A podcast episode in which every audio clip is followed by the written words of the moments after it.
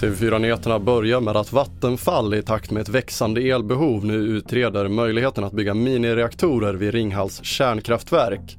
En förstudie väntas vara klar i årsskiftet mellan 2023 och 2024 och om man får godkänt kan en första reaktor tas i drift i början av 2030-talet enligt Anna Borg, VD för Vattenfall. Vi är övertygade om att vi kommer behöva alla fossilfria kraftslag för att möta den ökade efterfrågan vi ser på el. Vi kommer behöva vind, vi kommer behöva sol, vi kommer behöva vattenkraft och vi kommer behöva kärnkraft.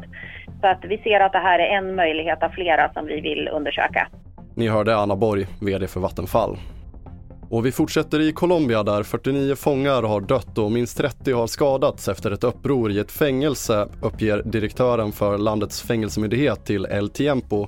Det inträffade vid tvåtiden natten till tisdag och enligt uppgift så tände fångar eld på madrasser för att hålla vakter på avstånd under ett flyktförsök. På avdelningen ska 200 fångar ha funnits och enligt uppgift från lokala medier ska ingen av de döda vara vakter.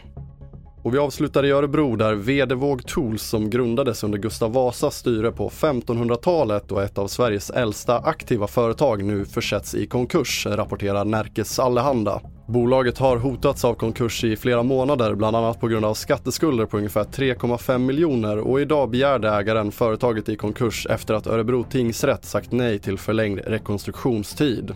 Fler nyheter hittar du på tv4.se. Jag heter André Metenen Persson.